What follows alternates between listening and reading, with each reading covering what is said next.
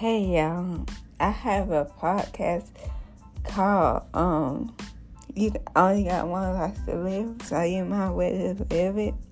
So that episode will be up. Bye.